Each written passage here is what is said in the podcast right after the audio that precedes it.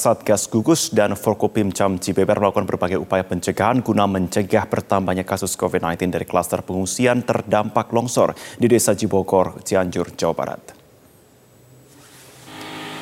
Sebanyak 59 orang pengungsi terdampak longsor terkonfirmasi positif COVID-19 berdasarkan swab antigen di Desa Jibokor, Kecamatan Cibeber, Cianjur, Jawa Barat. Hingga saat ini mereka masih menjalani isolasi mandiri di rumahnya masing-masing serta dalam pemantauan petugas. Satgas Gus Tugas serta Forkopimcam setempat terus melakukan berbagai upaya pencegahan agar klaster pengungsian tidak bertambah dan meluas ke kampung lainnya. Di antaranya melakukan penyemprotan cairan disinfektan ke tiap rumah warga, memberikan edukasi dan pengarahan terkait prokes COVID-19, serta melakukan penyekatan terhadap warga yang keluar masuk dari kampung lainnya.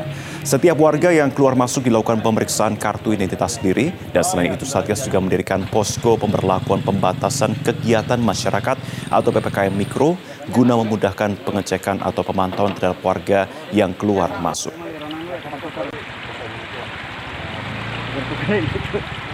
Tadi uh, sudah terpisah antara yang positif dan negatif. Hmm. Nah, selanjutnya kami juga dibantu dengan PMI dan uh, Satgas Covid Desa Cibokon melakukan penyemprotan desinfektan di rumah-rumah yang uh, yang yang keluarganya ter, uh, terkonfirmasi. Guna mempercepat proses vaksinasi, Dinas Kesehatan Polewali Mandar, Sulawesi Barat bekerja sama dengan tim lintas sektor menggelar vaksinasi di tiap daerah yang ada di wilayah Polewali Mandar. Dinas Kesehatan bekerjasama dengan tim lintas sektor yang terdiri dari tingkat kecamatan hingga kelurahan menggelar vaksinasi di beberapa daerah, salah satunya di Puskesmas PK Bata. Ratusan warga antusias mengikuti vaksinasi ini, bahkan rela mengantri hingga berjam-jam. Selama proses vaksinasi, petugas menerapkan protokol kesehatan ketat seperti mencuci tangan, menjaga jarak, dan memakai masker. Ramainya minat warga untuk mendapatkan vaksinasi tidak lepas dari peran tim Satgas COVID-19 yang dinilai berhasil memberikan edukasi serta mengajak warga untuk mau divaksin. Kerjasama antara Dinas Kesehatan Polewali Mandar dengan perangkat wilayah di sektor kecamatan dan kelurahan ini diharapkan dapat ditingkatkan untuk mempercepat vaksinasi vaksin di Polewali Mandar.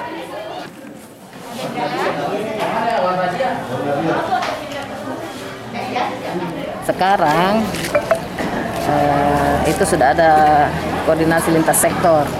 Ya Babin Kaptipmas, uh, Babinsa, Kepala Lingkungan dengan lintas sektor yang lain yang bawa ke sini Pak Lurah.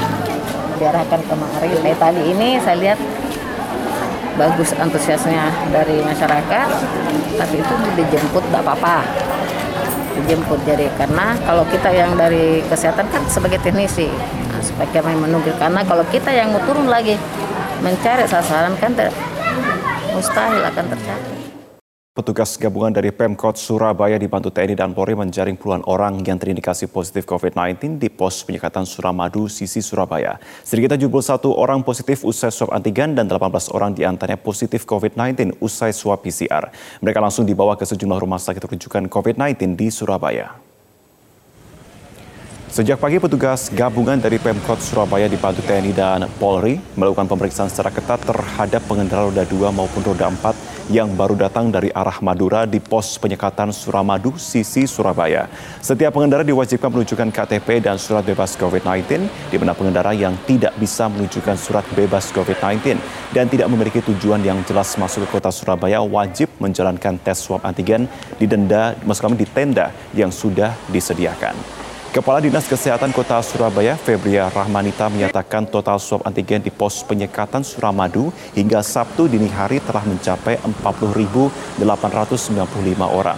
Sedangkan sepanjang hari Sabtu kemarin tercatat sebanyak 2.206 orang menjam, kami 2.206 orang menjalani tes swab antigen, di mana jumlah pendatang yang positif COVID-19 hasil tes swab antigen sebanyak 71 orang. Kemudian dilakukan tes swab PCR, hasilnya 18 orang positif COVID-19. Mereka pun langsung dibawa ke beberapa rumah sakit rujukan COVID-19 di Surabaya. Petugas gabungan dari Pemkot Surabaya dibantu TNI dan Polri mengantisipasi penumpukan pendatang di akhir pekan ini pada jam-jam tertentu di pos penyekatan Suramadu, sisi Surabaya. Meski demikian, tidak ada penambahan petugas sebab di sisi Bangkalan juga telah melakukan penyekatan. PCR itu uh, jadi ya cepat ya satu orang satu setengah jam. Nah, setelah dapat positif kita pindahkan ke rumah sakit lapangan. Tetapi kalau mereka sudah bergejala, walaupun ringan, tidak ke rumah sakit lapangan tapi ke rumah sakit rujukan. Penyekatan juga dilakukan oleh petugas gabungan di Jawa Barat yang menggelar operasi penyekatan kendaraan di kawasan wisata Cikole Lembang di mana perbatasan Bandung Barat dan Kabupaten Subang, Jawa Barat. Untuk mengantisipasi penyebaran COVID-19 di kawasan Bandung Barat, Jawa Barat yang kini masuk dalam zona merah, petugas gabungan dari Dishub, Satpol PP, dan Kepolisian Satlantas Polres Cimahi dibantu Polsek Lembang melakukan operasi penyekatan kendaraan di kawasan wisata Cikole Lembang perbatasan Kabupaten Bandung Barat dan Kabupaten Subang. Meski seluruh tempat wisata ditutup, namun masih terdapat pengendara yang hendak berwisata dari luar Bandung Raya seperti Subang, Cirebon, dan Jabodetabek. Petugas pun langsung memutar balikan kendaraan ke daerah asalnya. Bahkan sejumlah pengendara yang akan melakukan aktivitas kerja dilakukan tes swab oleh petugas kesehatan. Mapores Kota Cimahi sendiri melakukan operasi penyekatan di tiga titik di antaranya Posko Lembang, Posko Gerbang Tol Padalarang, dan Posko Gerbang Tol Baros Cimahi.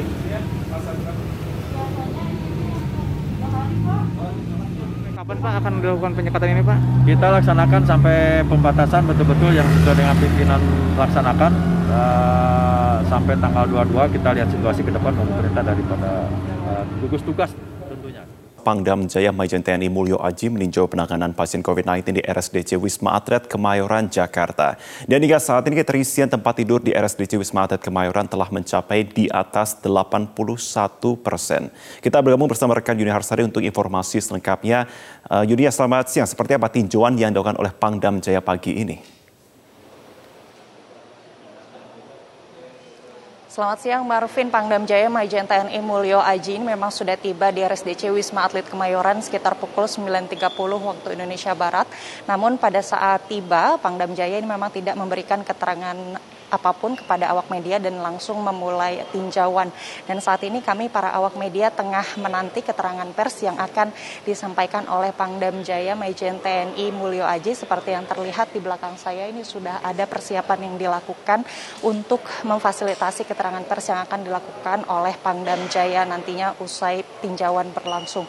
Hingga saat ini data yang kami peroleh hingga pukul 6 pagi waktu Indonesia Barat keterisian tempat tidur di RSDC Wisma Atlet Kemayoran Jakarta ini sudah mencapai 81,71 persen, artinya dari 7.394 tempat tidur, 6.042 tempat tidur ini sudah terisi. Kalau kita lihat secara lebih detail dari setiap tower, yakni tower 4, 5, 6, dan 7, tower 4 ini sudah mencapai 75 persen, tower 5 60 persen, tower 6 68 persen, dan tower 7 66 persen bed occupancy rate atau tingkat keterisian tempat tidur di Wisma Atlet Kemayoran ini memang kembali menyentuh di atas 80 persen setelah sebelumnya juga pernah menyentuh di atas 80 persen atau 80,68 persen pada 13 Juni lalu. Namun kemudian sehari setelahnya ada penambahan lagi tempat tidur sekitar 30 persen atau 2.000 lebih tempat tidur sehingga ini sempat turun mencapai 75,11 persen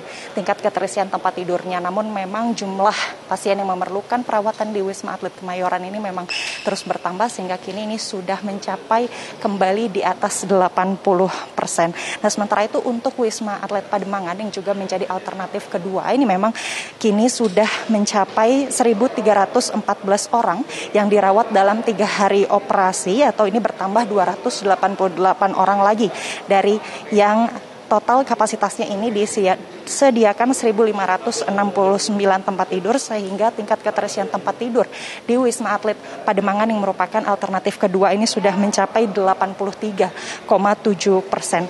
Pihak Wisma Atlet sendiri kini sudah menerapkan kebijakan sejak beberapa waktu yang lalu di tengah kenaikan kasus COVID-19 di mana RSDC Kemayor, Wisma Atlet Kemayoran ini hanya menerima pasien bergejala ringan hingga sedang sementara itu bagi mereka yang tanpa gejala ini memang sudah diarahkan menuju ke Wisma Atlet Pademangan dan sementara ketika nantinya ada perburukan kondisi di RSDC Wisma Atlet Kemayoran ini memang sudah ada tiga jenis ruang perawatan intensif yang disediakan atau disiapkan dengan total kapasitasnya ini bisa menampung 163 pasien.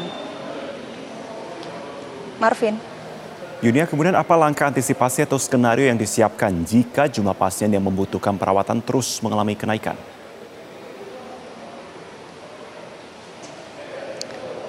Hingga saat ini diketahui bahwa Wisma Atlet Pademangan ini memang menjadi alternatif kedua yang disiapkan oleh Pemprov DKI Jakarta dan juga Satgas COVID-19 jika lonjakan pasien ini terus berlangsung hingga beberapa hari ke depan. Namun memang jika kita mengingat bed occupancy rate atau tingkat keterisian tempat tidur di Wisma Atlet Pademangan yang kini sudah mencapai 83,7 persen, maka Pemprov DKI Jakarta dan juga Satgas Penanganan COVID-19 ini memang sudah menyiapkan rusun nagrak yang ada di Cilincing, Jakarta Utara sebagai alternatif ketiga. Nah, diketahui bahwa di Rusun Nagrak Cilincing Jakarta Utara ini sudah ada lima tower yang disiapkan yakni tower 1, 2, 3, 4, dan 5 yang nantinya bisa diisi 1020 pasien OTG uh, dalam satu towernya. Namun memang kalau bisa disampaikan kepada masyarakat bahwa nantinya fasilitas yang ada di Rusun Nagrak ini tidak akan selengkap Wisma Atlet Kemayoran dan juga Pademangan karena memang hanya ada tempat tidur militer atau felt bed, bantal, kamar mandi dan juga dapur. Diharapkan memang tidak perlu digunakan rusun nagrak di Cilicing Jakarta Utara. Dan kemudian yang lebih ditekankan oleh Satgas Penanganan COVID-19 saat ini adalah bagaimana mencegah penularan yang terjadi di hulu